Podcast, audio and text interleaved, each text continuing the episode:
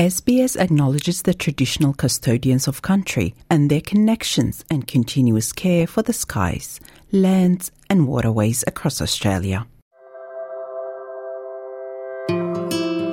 You're listening to Australia Explained, an SBS audio podcast helping you navigate life in Australia. Summer brings clear skies and warm weather, a welcome change from colder months. During Australian summers, the weather quickly escalates into scorching heat and some dry conditions. It brings the high UV levels along, which demands our attention and consideration. We get much more intense UV radiation exposure in Australia, which we think explains why rates of skin cancer are the highest in Australia and New Zealand. Welcome to another episode of Australia Explained.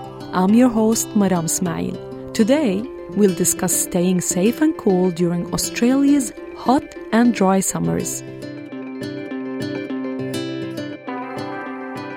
When it's warm outside, our bodies naturally sweat. According to Angelica Scott, a GP based in Sydney, sweating is the body's mechanism for distributing heat and regulating its temperature. However, during scorching weather, the body can experience more severe conditions, such as heat exhaustion or, in extreme cases, heat stroke.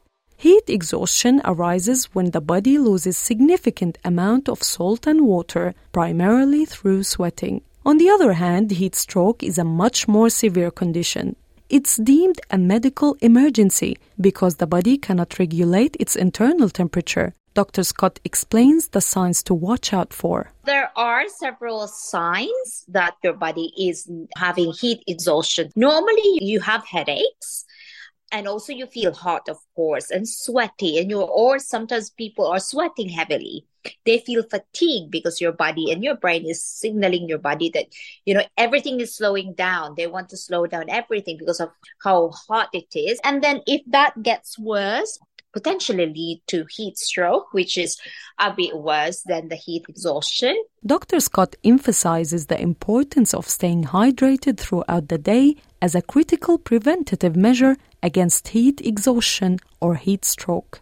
Hydrate yourself either with water or with, uh, you know, like electrolytes, because rather than um, soda or sugary drinks because actually these sugary drinks makes your symptoms worse. Another thing is of also they contain caffeine, which can make you pee more. So instead of hydrating yourself, it can cause more harm on you. Aside from the liquids that we consume, she says it's essential to consider the type and amount of food that we eat too.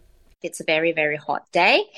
If it's too heavy, it, you actually feel more fatigued and tired because of course all the circulation goes to, to the tummy.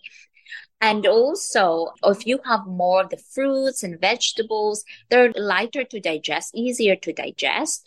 And also they have more uh, like for example certain fruits like watermelon they have a lot of water content on them which also very very important and very good for hydration Careful consideration of both liquid intake and food choices is essential, as highlighted by Dr. Scott. Additionally, she emphasizes the significance of caring for the skin since it's the most exposed organ. It's recommended to wear lightweight clothing and seek shelter in shaded areas to avoid sunburn. Dr. Scott advises applying the appropriate SPF. SPF measures a sunscreen's effectiveness in shielding the skin from sunburn. It's really important to use SPF 50 or higher and just really lather yourself with that. Don't forget those certain areas that we normally missed you know so we we normally miss the chest the ears the arms. You know, normally we just put some in the face. Professor Anne Cust chair of the cancer council's national skin cancer committee echoes the necessity of sunscreen application owing to the intense UV radiation prevalent in Australia. UV radiation, an abbreviation for ultraviolet, constitutes a form of energy the sun emits. She explains prolonged exposure to elevated levels of UV radiation stands as the primary cause of skin cancer. we get much more intense UV radiation exposure in Australia, which which we think explains why the rates of skin cancer are the highest in Australia and New Zealand. They're almost double what they are in, in Europe. Professor Cust explains the high levels of UV radiation that can be experienced in Australia. Most places in Australia have a UV index that peaks at around 12 to 14 in the summer months, whereas in southern parts of Europe, sort of around the Mediterranean, it only gets up to about a UV index of about 8. She says UV radiation isn't dictated by how hot a day is. UV radiation is not felt or seen and can be high even during cool and cloudy days if it's a little bit cloudy or if it's cooler day, even in the middle of summer, the UV index can still be really high. So perhaps if there's a light breeze around, it can actually sometimes feel quite cool outside, but actually the UV index can be very high. And if, if you're on the water doing some sort of water activity, you can get a lot of additional reflection. SunSmart, one of the world's longest running skin cancer prevention programs, recently launched a campaign in Victoria to counter sun complacency. The campaign, Don't Let Cancer In, addresses a common trend where people frequently use sun protection during beach visits or water activities. However, the campaign urges a more proactive approach to integrating sun protection into daily routines.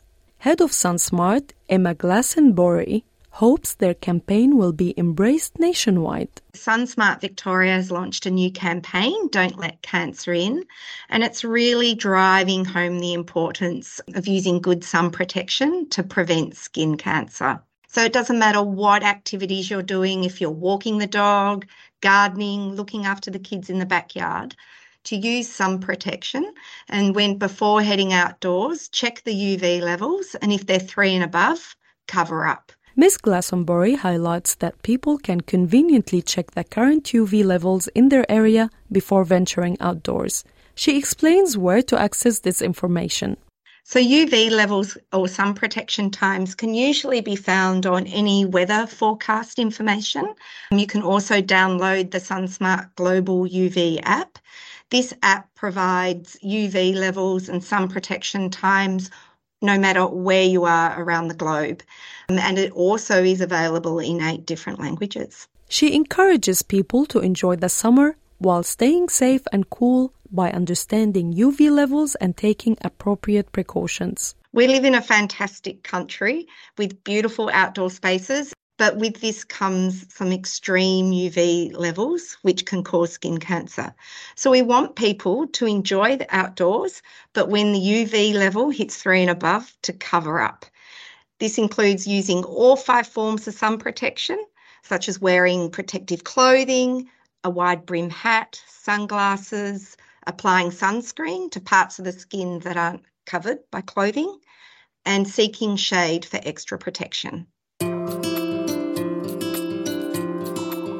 Thank you for listening to this episode of Australia Explained, written and produced by Nikki Alfonso Gregorio and hosted by me, Maram Smail. Australia Explained managing editor is Rosa Germian. This was an SBS audio podcast. For more Australia Explained stories, visit sbs.com.au slash Australia Explained.